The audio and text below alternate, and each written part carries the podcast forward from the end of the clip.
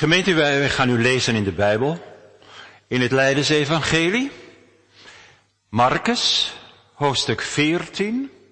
En dan beginnen we bij vers 22 en we eindigen in vers 42. Marcus 14, vanaf vers 22 tot en met 42. En als zij aten, nam Jezus brood. En als hij gezegend had, brak hij het en gaf het hun en zei, neemt, eet, dat is mijn lichaam. En hij nam de drinkbeker en gedankt hebbende gaf hen dien. En ze dronken alle uit, daaruit. En hij zei tot hen, dat is mijn bloed, het bloed van het Nieuwe Testament, het welk voor velen vergoten wordt. Voorwaar, ik zeg u, dat ik niet meer zal drinken van de vrucht van de wijnstok, tot op die dag, wanneer ik dezelfde nieuw zal drinken in het koninkrijk van God. En als zij de lofzang gezongen hadden, gingen zij uit naar de olijfberg. En Jezus zeide tot hen, gij zult in deze nacht alle aan mij geërgerd worden. Want er is geschreven, ik zal de herder slaan en de schapen zullen verstrooid worden. Maar nadat ik zal opgestaan zijn, zal ik u voorgaan naar Galilea. Petrus zei tot hem, of zij ook alle geërgerd werden, zo zal ik toch niet geërgerd worden. En Jezus zei tot hem, voorwaar, ik zeg u, dat heden in deze nacht, voordat de haan twee keer gekraaid zal hebben, gij mij driemaal zult verloochenen. Maar hij zei nog des te meer, al moest ik met u sterven, zo zal ik u geen zins verloochenen. En insgelijks zeiden zij ook alle. En ze kwamen in een plaats van welke de naam was Gethsemane. En hij zei tot zijn discipelen, zit hier neer, totdat ik zal gebeden hebben. En hij nam met zich Petrus en Jacobus en Johannes en begon verbaasd en zeer beangst te worden. En zei tot hen, mijn ziel is geheel bedroefd tot de dood toe. Blijf hier en waakt. En een klein stukje voortgegaan zijnde, viel hij op de aarde en bad, zo het mogelijk ware dat die uren van hem voorbij ging. En hij zei, Abba, vader, alle dingen zijn u mogelijk. Neem deze drinkbeker van mij weg. Doch niet wat ik wil, maar wat gij wilt. En hij kwam en vond hen slapende. En hij zei tot Petrus, Simon, slaapt gij? Kunt ge niet één uur waken? Waakt en bid, opdat ge niet in verzoeking komt. De geest is wel gewillig, maar het vlees is zwak. En opnieuw heen gegaan zijnde, bad hij, sprekende dezelfde woorden. En teruggekeerd zijnde, vond hij hen opnieuw slapende, want hun ogen waren zwaar geworden. En ze wisten niet wat zij hem antwoorden zouden. En hij kwam voor de derde keer, en hij zei tot hen, slaap nu voort en rust. Het is genoeg. De uren is gekomen. Ziet, de zoon des mensen wordt overgeleverd in de handen van de zondaren. Staat op, laat ons gaan. Zie, die mij verraadt, is nabij. Gemeente, de tekstwoorden vindt u in Matthäus 26, vers 30. Dat was de tekst van vorige week.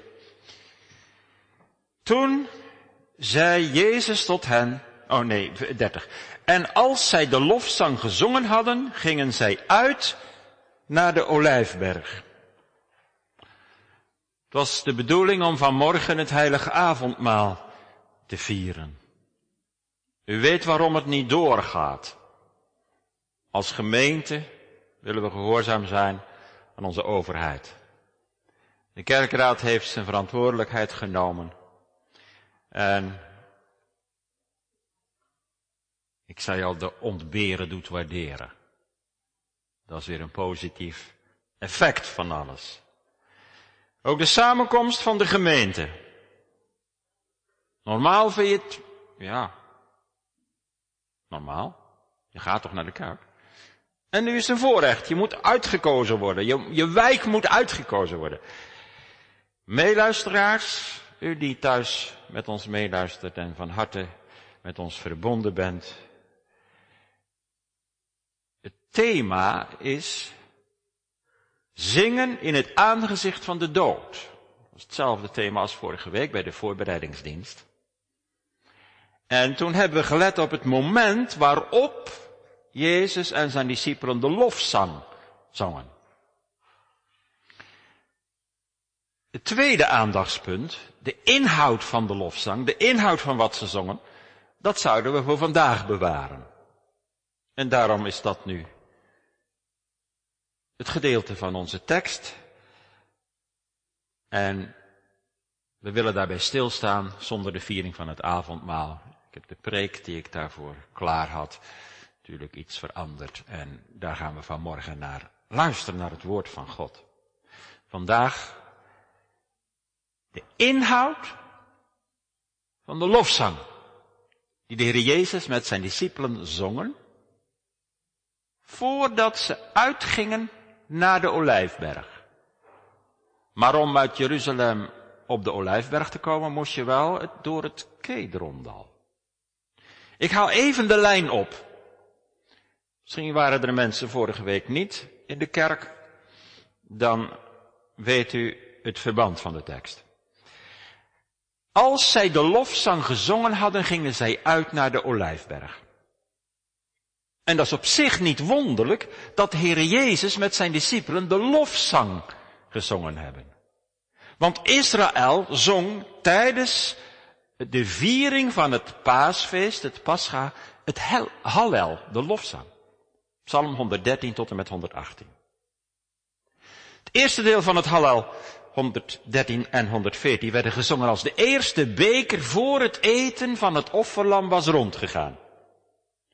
Dan klonk in ieder Joods gezin de melodie van Psalm 113, Halleluja, looft gij knechten des Heren, loof de naam des Heren. Het tweede deel van het Hallel, 115 tot en met 118, werd gezongen aan het eind van het Pascha. Als de maaltijd van de gemeenschap, als vrucht van het offer van de verzoening, het lam, was afgelopen.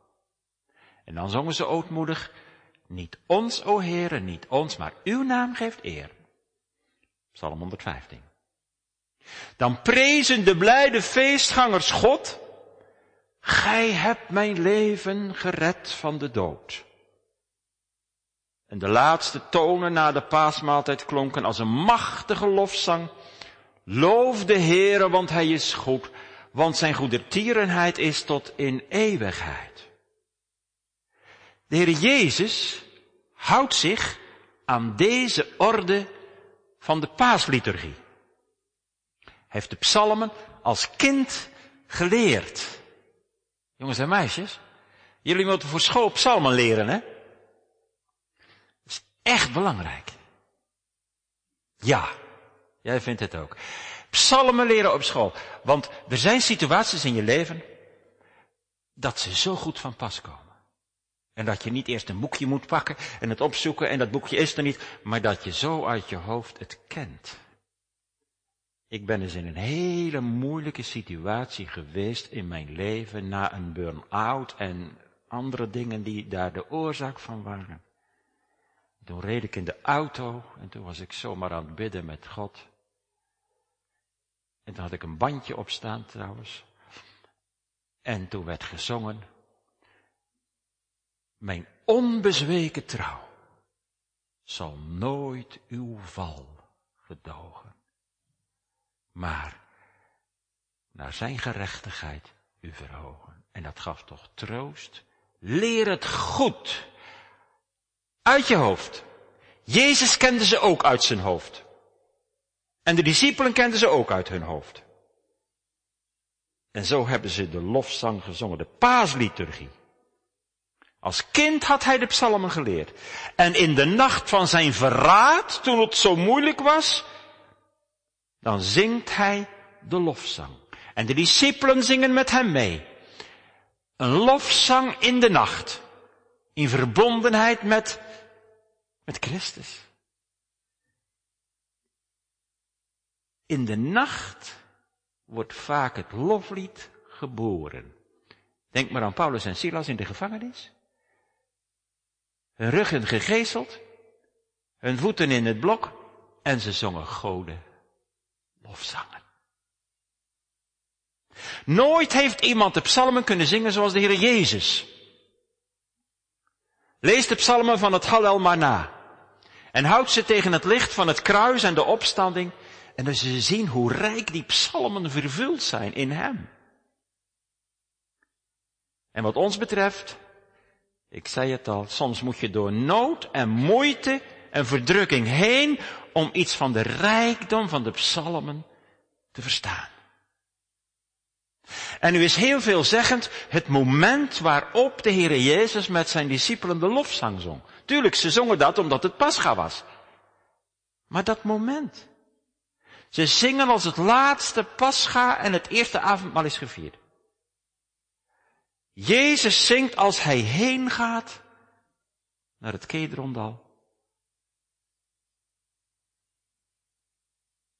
Over de psalm waarin staat dat hij zelf als het ware paaslam zal worden geslacht.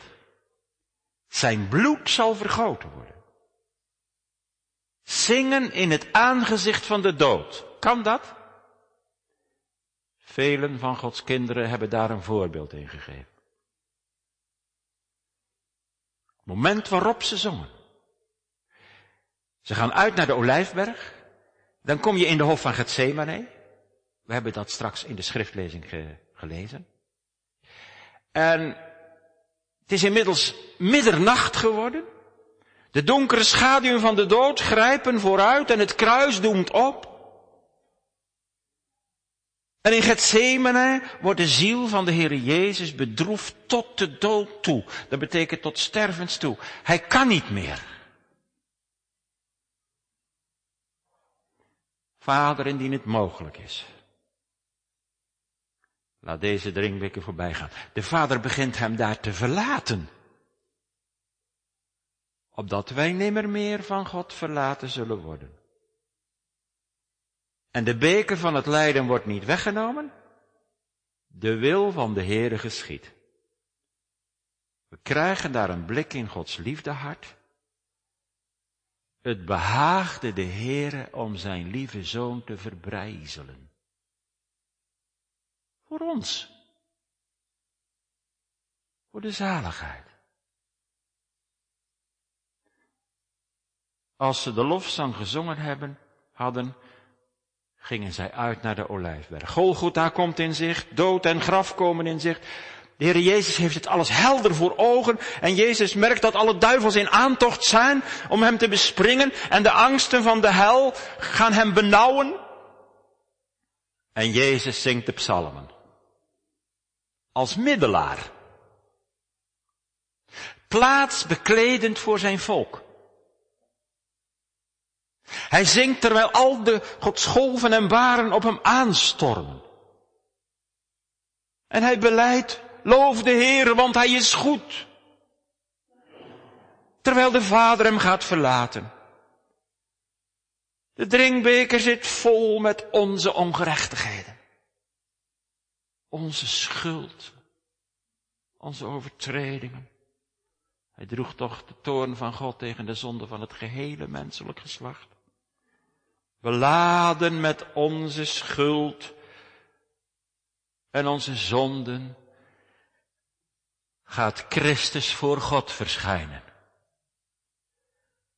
De Heere Jezus heeft mijn levensbeker vol van onreinheid, straf, toorn, leeggedronken. En nu mag ik zijn beker drinken, het bloed van het Nieuwe Testament, het bloed van de verlossing, de reiniging, de genezing, de verzoening. Hij de bittere lijdensbeker en wij de beker der dankzegging. Omdat de Heere Jezus de lofzang gezongen heeft.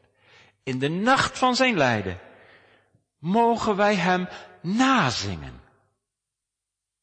Op zijn kosten. Niet alleen als onze weg voorspoedig is, maar ook als ons leven door een diep dal gaat.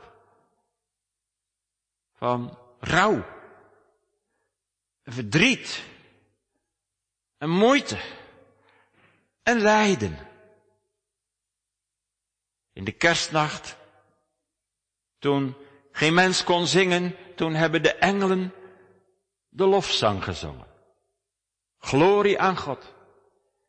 In de nacht van Christus verraad zingt Jezus met zijn discipelen in het aangezicht van de dood, van de kruisdood, de lofzang. En door het verzoenend lijden en sterven van de heiland, mogen wij hem nazingen. Ik zal uw naam met dankerkentenis verheffen, u al mijn geloften brengen. Ik zal liefde en lof voor u ten offer mengen in het heiligdom waar het volk vergaderd is. Tijdens het Pascha werden veel lammeren geslacht. Toch namen die lammeren de schuld niet weg. Dat deed alleen het lam van God, waar die lammeren heen wezen. De Heer Jezus, Gods Zoon. Paul Gerhard maakte daarover een prachtig lied. Misschien kent u het wel. Daar gaat een lam. Hij draagt de schuld der wereld met zich mede. Het boet in eindeloos geduld voor al wat wij misdeden. Daar gaat het. En het wordt zo moe. Stil gaat het naar de slachtbank toe vindt nergens meer een weide. Smaad neemt het op zich, hoon en spot. Wonden en doodsangst zijn zijn lot. Hij zegt, dit wil ik lijden. En dan komt de reflectie daarop van de dichter. Ik zal daarvoor mijn leven lang u danken. Dit gedenken.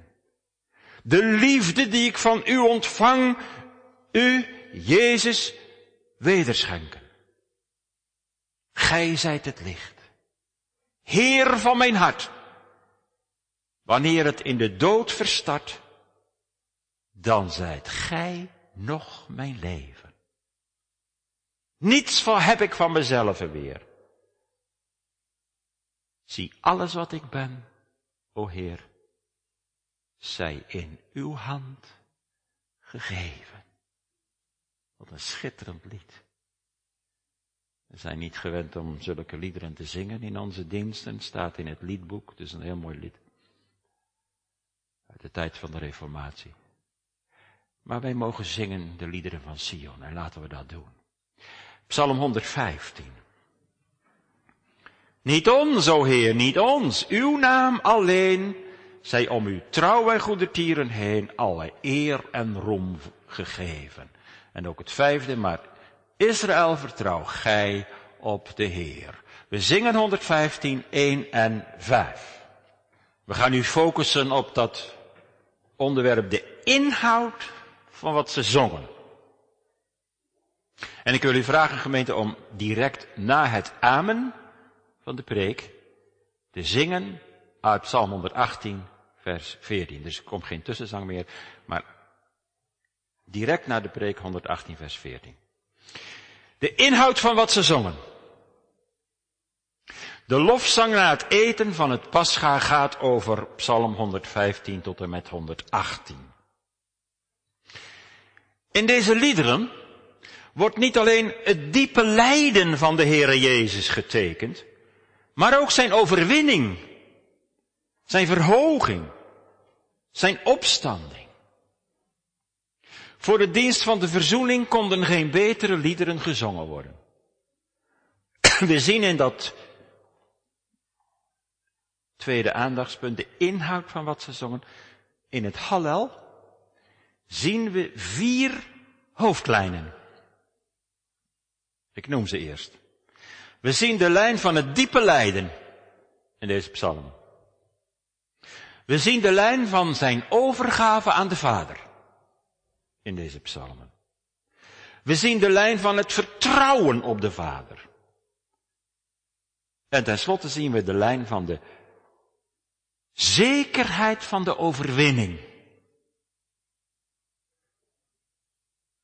Zijn diepe lijden, Overgave aan de Vader, vertrouwen op de Vader. Overwinning.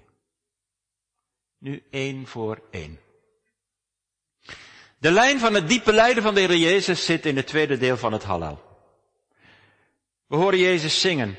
Banden van de dood hadden mij omvangen en angsten van de hel verschrikten mij. Hadden mij getroffen. Ik vond benauwdheid en droefenis. Kostelijk is in de ogen van de Heere de dood van zijn gunstgenoten. Psalm 118. De steen die de bouwlieden verworpen hebben.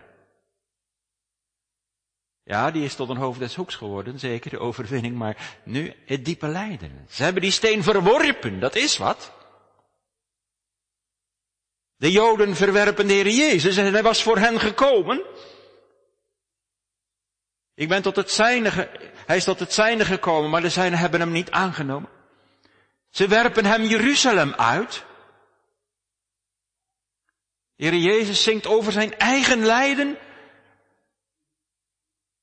Hij trekt zijn, in, in deze liederen als het ware het kruis al naar zich toe. En zo mogen wij het ook zingen. Leer mij, o Heer, uw lijden recht betrachten. In deze zee verzinken mijn gedachten. O liefde, die om zondaars te bevrijden, zo zwaar wou lijden. In het Hallel de lijn van Christus diepe lijden. Maar ook, dat is de tweede lijn, de lijn van de overgave van de Heere Jezus in dit lijden aan zijn Vader. Hij is eenswillend met de Vader. Die overgave laat de Heer Jezus al zien als hij met zijn discipelen uitgaat naar de Olijfberg. Want hij weet wat hem te wachten staat. Hij ziet de beker die hij drinken moet. Hij is zich bewust dat Judas, een van zijn discipelen, hem zal verraden. Hij weet dat Petrus, een van zijn discipelen, hem zal verloochenen. Hij is zich bewust van de gevangenneming door de Joodse bende. Hij beseft dat de tijd van zijn offer nu gekomen is. Hij buigt in Gethsemane, we hebben het gelezen. En op zijn knieën, terwijl het bloedig zweet afdruipt op de aarde van zijn angst, bidt hij. U wil geschieden, vader. Ik kom om uw wil te doen. Hij gaat naar het Kedrondal. Hij zingt over de bereidwilligheid om de eer van de Vader te zoeken. Niet ons, o Heer, niet ons, maar uw naam geeft eer. Ik ben uw knecht, de zoon van uw dienstmaagd, van Maria. Als knecht des Heeren brengt hij deze psalmen tot de volle nieuwtestamentische werkelijkheid, tot de vervulling. Jezus is gewillig om de weg van de Vader te gaan. Eén was het diepe lijden van Christus. Twee, de overgave van de Heer Jezus aan zijn Vader. In overeenstemming met de eeuwige vrederaad. De derde lijn van het zingen van Christus en zijn discipelen. Het vertrouwen op de Vader. 115. Gij die God vreest, vertrouw op de Heere. Hij is hun hulp, hulp en hun schild. 116. Ik riep de naam van de Heere aan en hij heeft zijn oor tot mij geneigd. 118. Loof de Heere, want hij is goed, want zijn goede tierenheid is tot in eeuwigheid. Dat zingt Jezus als hij op weg gaat naar het kruis en het graf. Denk u dat is in. Dan zingt hij over Gods goedertierenheid. Stel dat, dat wij het coronavirus krijgen, dat we besmet worden. Die kans is natuurlijk heel groot. En dan kan je het moeilijk krijgen. En in angst zijn. En kun je dan nog zeggen, de Heere is goedertieren? Ja, dat kan. Als je beseft en beleeft en gelooft, de Heere is bij mij. Ik zal niet vrezen. Voor Jezus was het heel wat erger.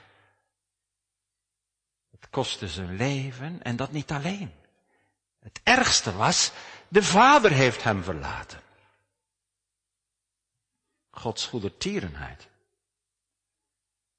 Daar zingt hij over als de Vader hem de beker doet drinken. Als hij aller ongerechtigheid op hem doet aanlopen. Als hij zijn zoon gaat verlaten en verbrijzelen. Als hij in het stof van de dood wordt gelegd. In het graf. Lieve gemeente, zo'n middelaar hebben wij nodig. En zo'n middelaar is gewillig om u te zaligen. Een middelaar die aan de Vader vasthield. Op het allerdiepste dieptepunt van zijn leven aan het kruis, toen de demonen om hem heen waren, de zon zijn stralen inhield, de Vader hem verliet. Altijd mocht Christus een beroep doen op zijn Vader. En nu doet hij een beroep op zijn Vader en de Vader is geweken. En hij schreeuwt het uit. Mijn God, mijn God, waarom hebt ge mij verlaten? Wat zegt u? Hoort dat onder zijn vertrouwen? Ja. Want hij zegt wel niet mijn vader. Daar begon hij de kruiswoorden mee en daar eindigt hij de kruiswoorden mee. Vader. Maar op het dieptepunt van zijn lijden zegt hij God. Maar hij zegt wel, mijn God. Is dat geloof of niet? Dat is het nochtans van het geloof. In zijn verlatenheid vertrouwt hij op God en hij zegt, u bent mijn God. Zijn vertrouwen op God. In het diepe lijden van Christus. Twee, de overgave aan zijn vader. Drie, vertrouwen op zijn vader. En nu vier. De vierde lijn in de lofzang, in het Hallel, is de zekerheid van de overwinning. We hebben wel gehoord over de angst van de hel en over benauwdheid en strijd. Maar we horen ook de jubel van de overwinning. We horen een overwinnaar zingen. Keer weder tot uw rust. De Heere heeft aan u wel gedaan. Hij ziet er doorheen. Wel gedaan. Opgewekt tot onze rechtvaardiging. Ik nam, in de naam van de Heere heb ik mijn vijanden verhouden, zegt hij in Psalm 118, zingt hij. De rechterhand van de Heere doet krachtige daden. Jezus gaat niet weifelend of aarzelend de weg naar het kruis. Wel is hij de man van smarten. En hij gaat door de doodsangst heen en hij proeft Gods toorn over onze zonden. Maar hij vreest geen ogenblik voor de uitkomst. Hij is zeker van de overwinning. 118. Ik zal niet sterven, maar leven en de werken van de Heere vertellen. Als de Heere Jezus niet zo naar de Olijfberg was gegaan, dan had hij nooit onze middelaar kunnen zijn, gemeente. Dan zou hij de duivel niet tegemoet hebben kunnen gaan. Dan zou hij de slag bij voorbaat verloren hebben. Als hij niet in het geloof was gegaan. Dan was zijn offer geen volkomen offer geweest. Daar moet je toch niet aan denken. Dan had de overste van de wereld gejuicht. En dan waren wij verloren. Maar in het geloof is hij gestorven. Hij heeft nooit aan de vrucht van zijn lijden en sterven getwijfeld. Als zijn ziel zich tot de schuldoffer gesteld heeft, zal hij zaad zien nageslacht. En hij zingt daarvan in het Hallel. Psalm 117. Zie ze gaan? Het Kedrondal in. Ze hebben net gezongen. Loof de Heer alle heidenvolken. Want zijn goedertierenheid is geweldig over ons. Halleluja!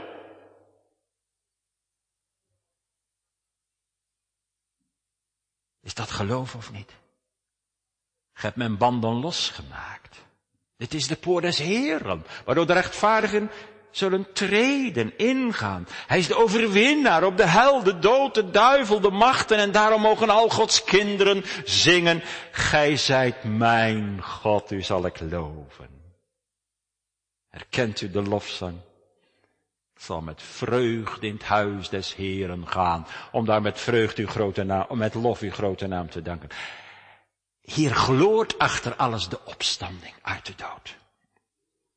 Daar loopt alles op uit. Dat is de vrucht van Jezus verzoenend lijden en sterven, gestorven om onze zonden en opgewekt tot onze rechtvaardiging. Daar is het rustpunt van ons hart. De Heer is goed. Geprezen zij zijn naam. Nu kunnen verloren mensen schuilen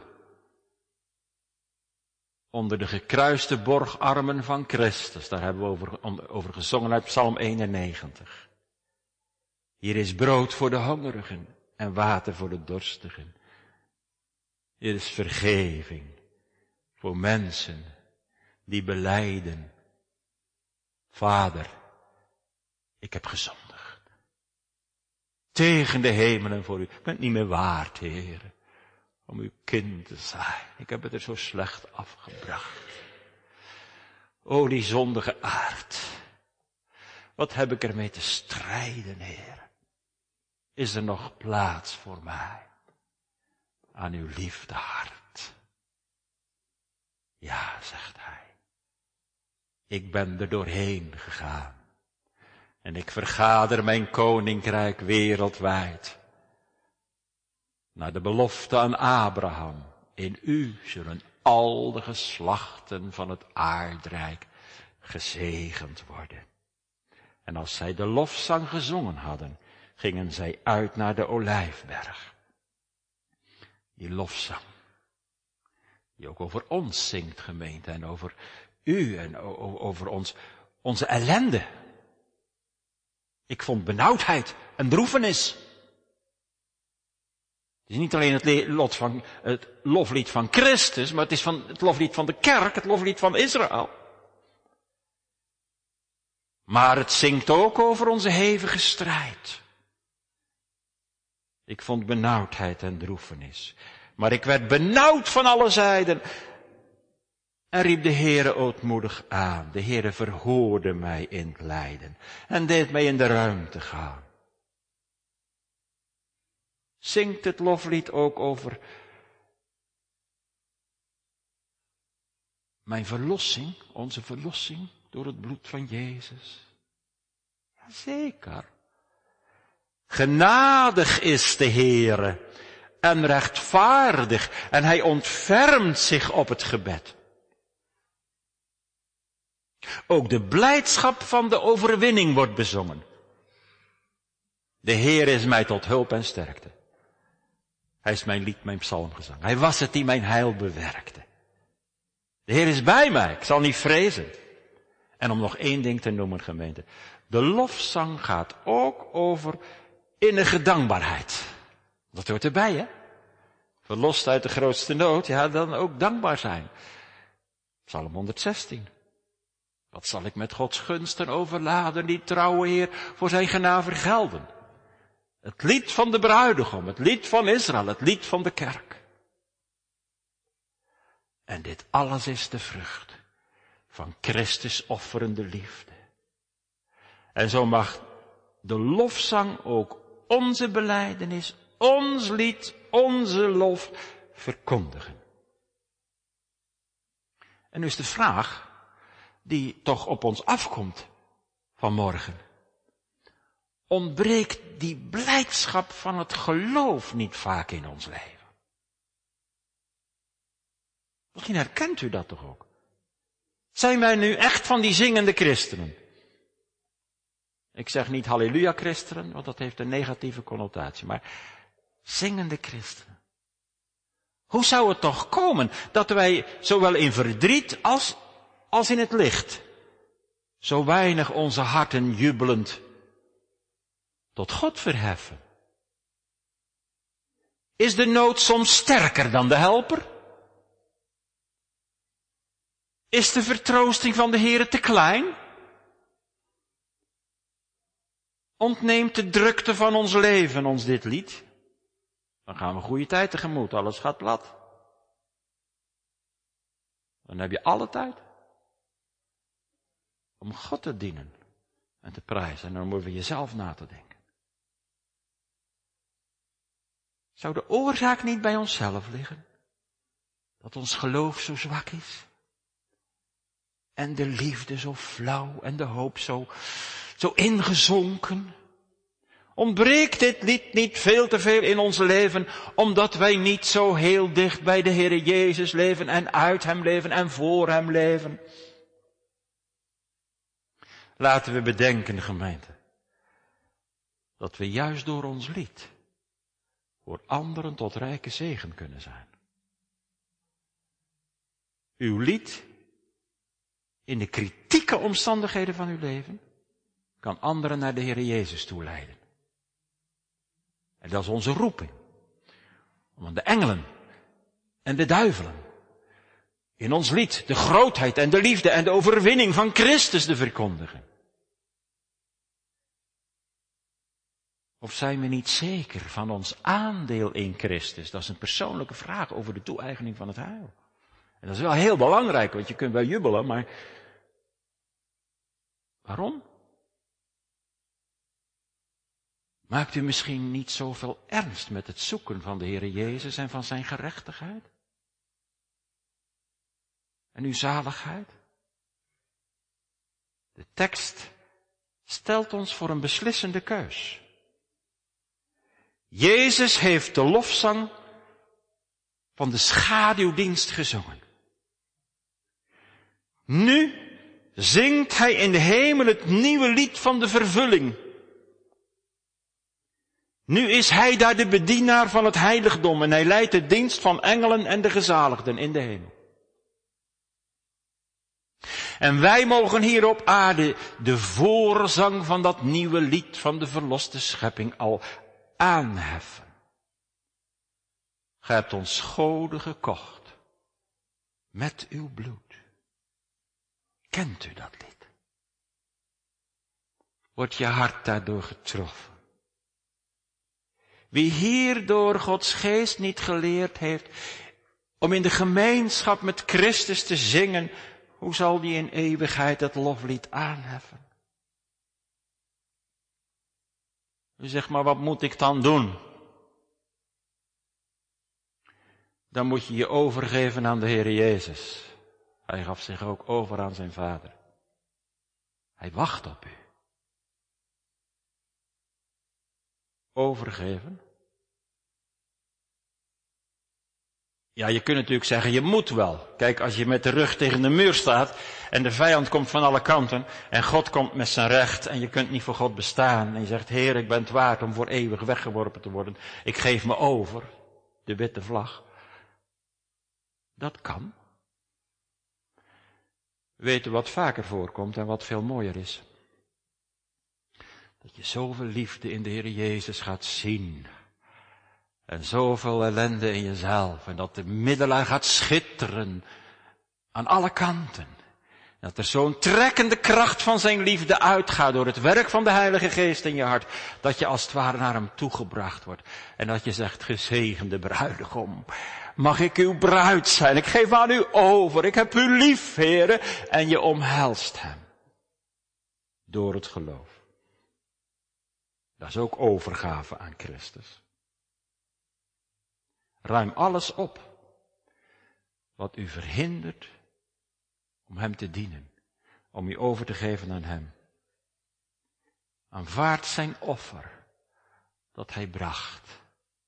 Maak gebruik van zijn gewilligheid om u te zaligen. Dan kun je de lofzang meezingen en God verheerlijken. En Jezus omhelzen. Tot je eeuwige zaligheid. Ja, maar dat kan een mens toch niet? Mijn ongeloof moet toch eerst verbroken worden? Ja, zeker. Afgelopen week las ik een meditatie van Ryle. Bisschop Ryle. U kent hem wel. Over de tekst dat Jezus zich verwonderde over het ongeloof van de inwoners van Nazareth. Daarom kon hij zelfs geen krachten doen. En dan schrijft hij.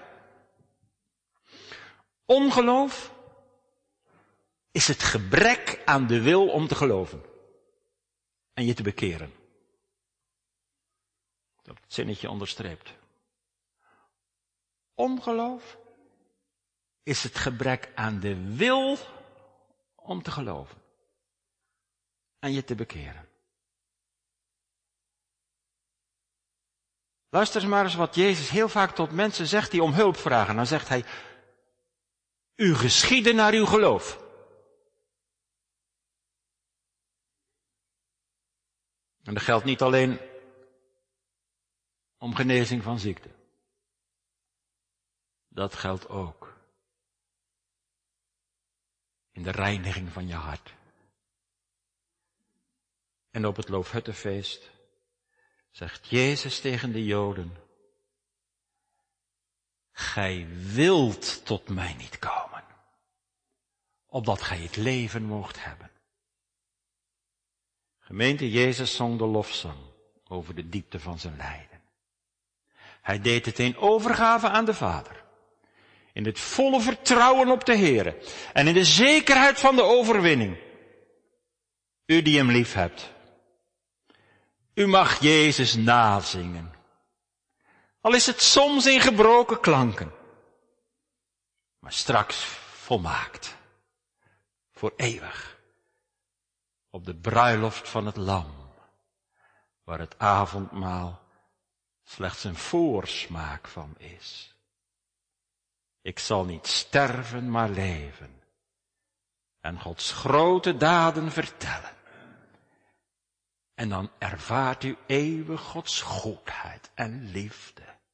Neem het slot van het Hallel maar op de lippen. Gij zijt mijn God, u zal ik loven, verhogen uw majesteit. Mijn God, niets gaat uw roem te boven. U prijs ik tot in eeuwigheid. Amen.